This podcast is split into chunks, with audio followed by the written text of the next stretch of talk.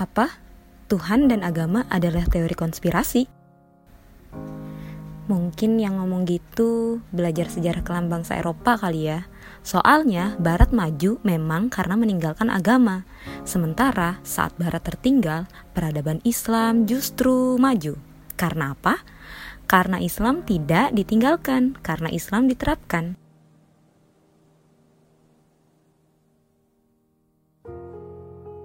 Sekarang kondisinya terbalik.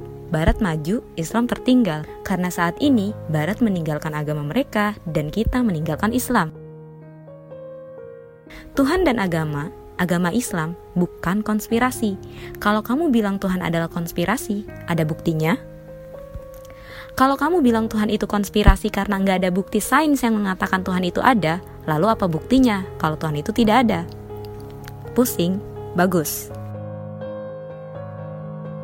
Jadi gini, orang-orang ateis bilang Tuhan nggak ada karena nggak bisa dibuktiin sama sains. Oke, kalau gitu, apa buktinya kalau Tuhan nggak ada? Siapa yang menciptakan bumi, langit, manusia, hewan, dan seluruh alam semesta yang desainnya sangat detail? Sis, nggak semua hal yang nggak bisa dibuktiin dengan sains itu nggak ada karena metode sains itu terbatas, hanya bisa membuktikan hal yang bersifat fisik dan ada wujudnya. Sementara untuk meyakini Tuhan itu ada, kita cuma perlu akal. Ya, kita cuma perlu mikir. Pernah gak sih mikir, ada langit, ada bumi, ada kita, terus kita dari mana? Dari ibu kita. Oke, ibu kita dari mana? Dari nenek kita. Nenek kita dari mana? Dari neneknya lagi. Terus begitu siklus hidup sampai pada ujungnya kita berasal dari Adam dan Hawa. Terus Adam berasal dari mana? Ya dari penciptanya, Tuhan semesta alam.